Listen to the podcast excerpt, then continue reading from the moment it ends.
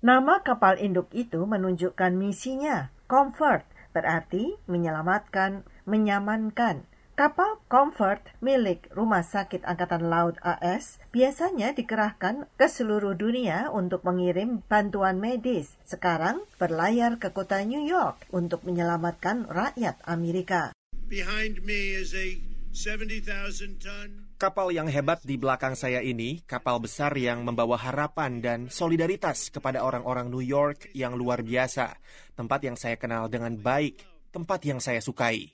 Ketika jutaan orang Amerika tinggal menutup diri di rumah mereka, Presiden Trump dan Menteri Pertahanan AS terbang ke Norfolk, Virginia untuk mengucapkan selamat jalan kepada 1.200 petugas kesehatan kapal. Menteri Pertahanan AS Mark Esper mengatakan, The United States military is all in Militer Amerika Serikat semuanya dalam keadaan darurat nasional.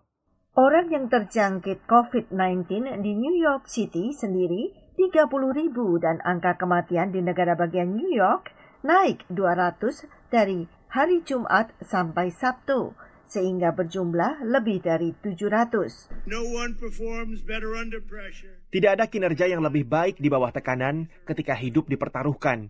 Ini adalah para petugas kesehatan yang luar biasa.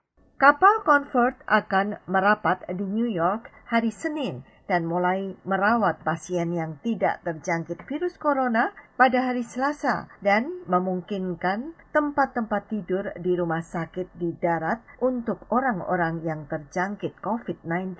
Kapal besar Comfort semula adalah kapal tangki minyak yang kemudian diubah memiliki 12 kamar operasi, 1000 tempat tidur, landasan helikopter, dan dilengkapi dengan apotek.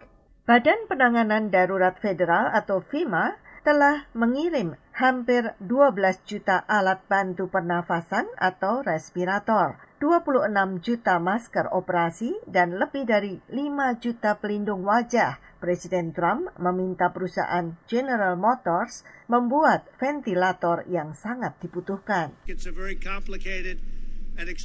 Ini peralatan yang sangat rumit dan mahal. Harganya lebih mahal daripada sebuah mobil.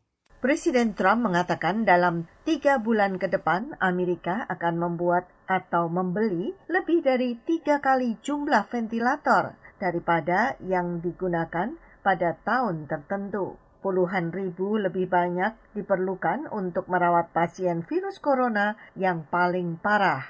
Puspita Sariwati, VOA, Washington.